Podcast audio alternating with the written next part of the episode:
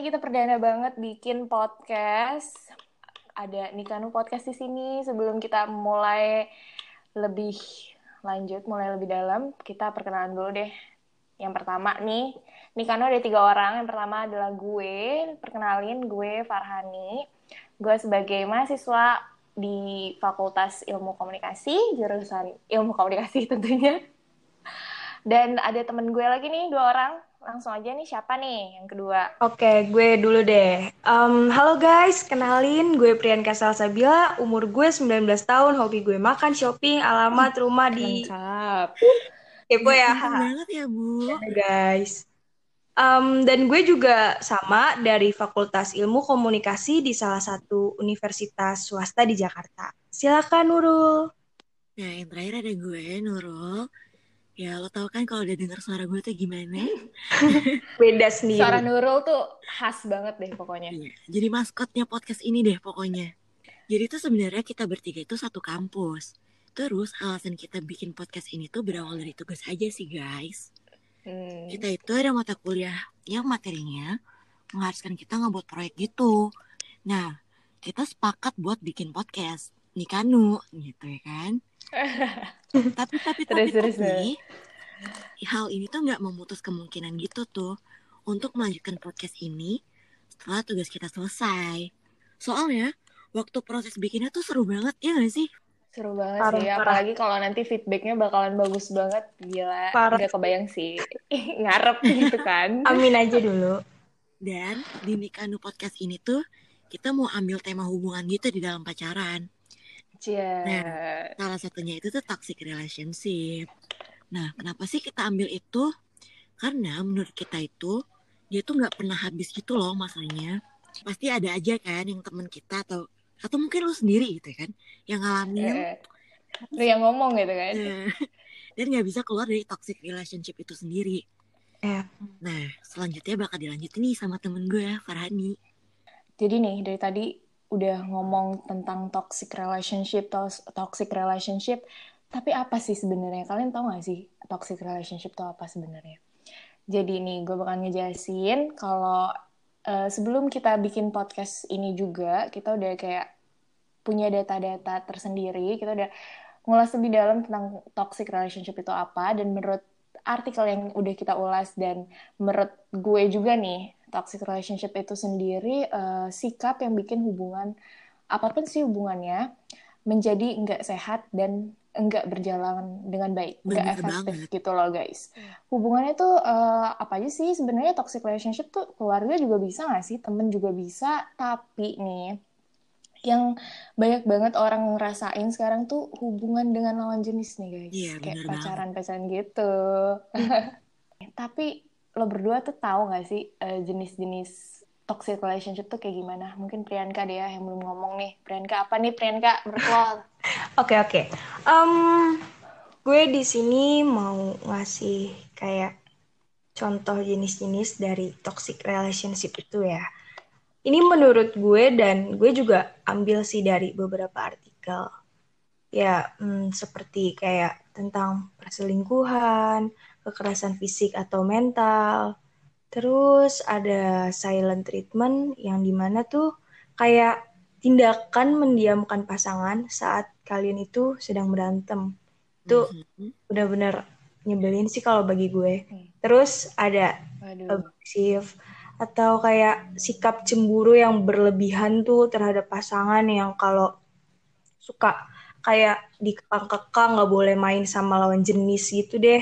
Terus kayak ada Hmm. staging seperti kayak seolah-olah tuh kalian jomblo, padahal tuh kayak memilih kayak punya pasangan gitu. Jadi kayak eh, kalau bahasa Gak dianggap gak sih? kayak Aduh, bahasa siapa tuh coba? TP-TP gitu deh sama orang-orang yang lain yang suka perhitungan terus eh, lari dari masalah kayak dialihin tuh alihin topik dari permasalahan yang kalian bahas tuh kayak em, pasangan tuh membatasi aktivitas yang ingin kita lakukan kayak dengan lingkungan-lingkungan yang baru itu sih kalau menurut gue ya oh iya gue di sini juga ingin menambahkan mengenai pengalaman gue pribadi dan. Kayak cerita-cerita lah dari orang-orang terdekat gue, temen-temen gue, apa yang gue lihat juga. Um, gue tuh pernah dulu punya mantan.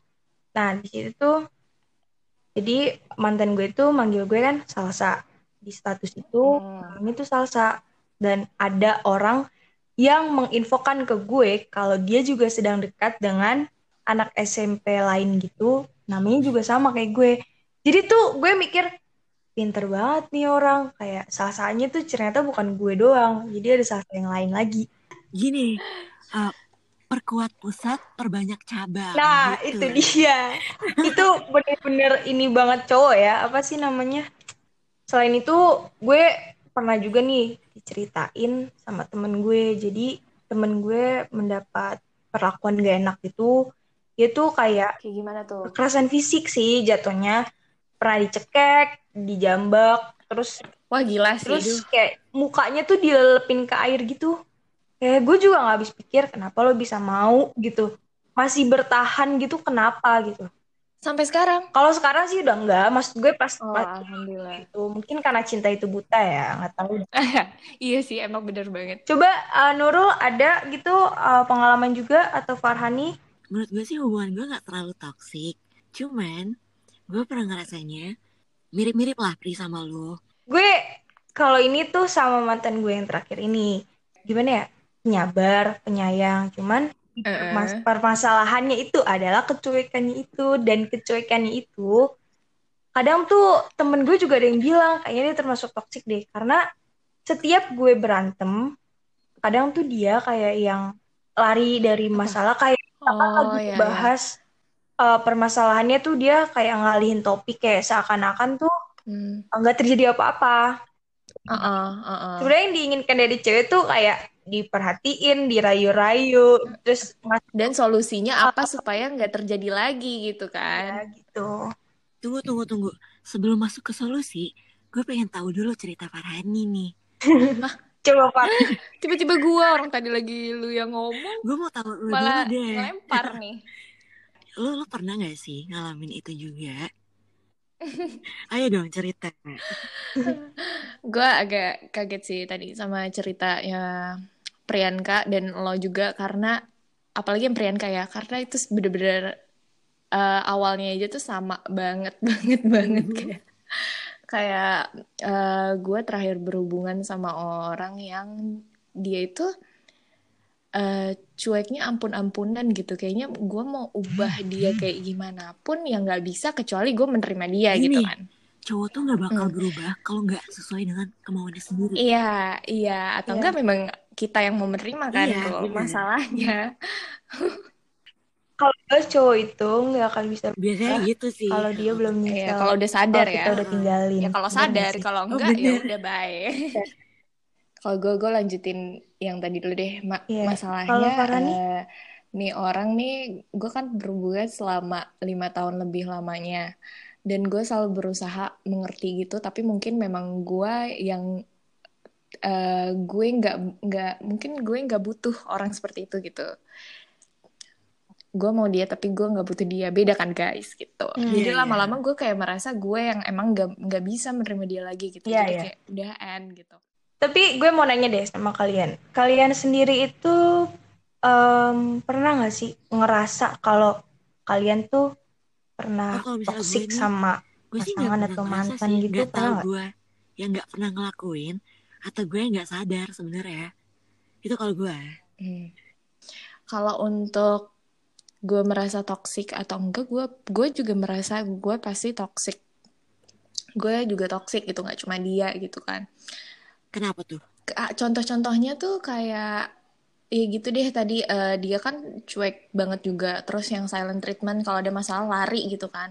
Nah kadang gue jadi keikutan jadi orang yang seperti itu juga gitu. Jadi ikut-ikutan silent treatment entah ke dia balik atau ke orang lain gue jadi begitu karena gue merasa Iya. apaan sih masalahnya sepele banget bisa lah nanti gitu kan terus tiba-tiba datang lagi dengan berlagak nggak terjadi apa-apa Iya, iya, gitu. benar. padahal sebelumnya gue merasa gue nggak seperti orangnya nggak seperti itu. Cuma karena Iya. ya lumayan lama gue menjalin hari-hari gue dengan dia selama lima tahun lebih jadi kebiasaan gitu. Awalnya gue hanya mengikuti alur dia aja. Oh dia dia mendiamin gue ya udah gue iyain. Terus nanti dia datang baik-baik lagi ya udah gue kayak ya udahlah udah selesai ini masanya gitu loh. Jadi jadi keterusan gitu loh guys. Lima tahun tuh gak bentar loh Far. Lu tahan aja makanya ini Iya, kayak betul, udah betul. end Tahan banget penting ya guys. kalau Priyanka Kalau gue pribadi itu eh, ngerasa diri gue uh, toksik karena beberapa faktor. Namanya anak muda, anak puber baru puber remaja, pasti kan ini dong kayak apa ya emosi hormon Hmm. lu naik turun. Apalagi yang kayak cewek Hmm. nih, cewek kan pasti Wah, itu pembelaan kita banget ya. Terkadang gue tuh emosi juga nggak mungkin dong tanpa sebab. Gue emosi tuh ya karena mantan gue ini tuh juga yang orangnya suka cuek atau yang gimana ya, yang gitu juga kalau misalkan ada masalah bukannya diselesain, gue didiemin atau malah ngalihin topik. Jadi tuh itu yang bikin Hmm. gue yang jadi kayak emosi banget. Jadi bawaannya tuh kayak kesel banget. Cuman beberapa minggu yang lalu bisa kebetulan gue deket lagi sama mantan gue ini dan pura-pura nggak tahu aja gitu kan bro jadi Gue ya, mau jadi ya. Dan gue sama dia em, ketemu apa ya? Gue sama dia mengusahakan untuk deep talk gitulah. Gue mikir sekarang jadinya gue sama dia tuh udah yang mungkin bisa dibilang Mm-mm. Jadi ada progresnya, udah perubahannya gitu sih. ya bagus Lebih deh. baik aja gitu gue Semoga berdua. ya.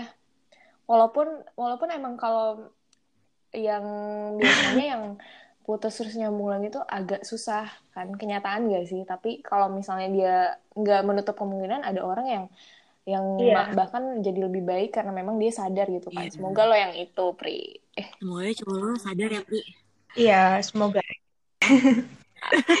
semoga Nurul eh Nurul Nggak iri ya, ngomong dong, Nurul. Kalau lo gimana lo? Apanya nih Pengalaman ya lah. Ya kalau gue sih gue gak merasa toxic banget gitu loh. Karena Hmm. biasanya gue tuh suka suka ditinggal. Gue pernah ditinggal seminggu tanpa kabar. Hmm. Gila gak sih? Nggak gila, Rul. Gue dua minggu, Oh, Rul. oh my god, ada yang lebih, Lebih dari gue. Terus. Apa? Oh iya Nurul buat Nurul nih gue mau ngasih tahu. Please jangan Jangan caper-caper lagi di dong. sosmed sama ibunya Sebenarnya mantan lo.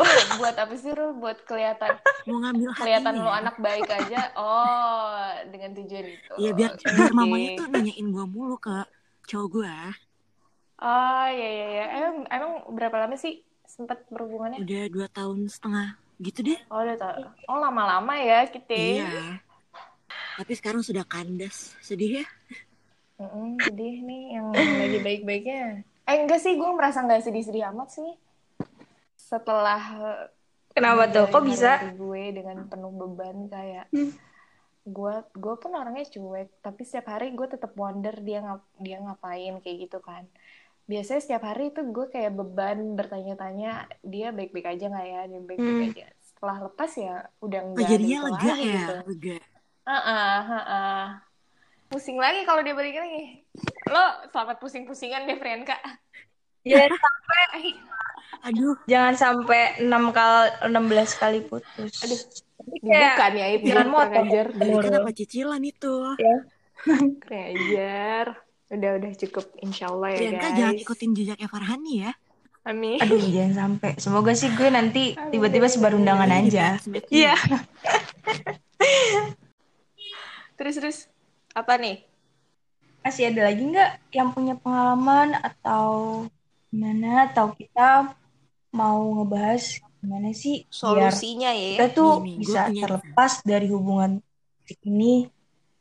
menurut gue aduh gimana ya? Coba Gua menurut Farhani gimana bagus kalau bagus menurut banget sih. Karena gini loh guys.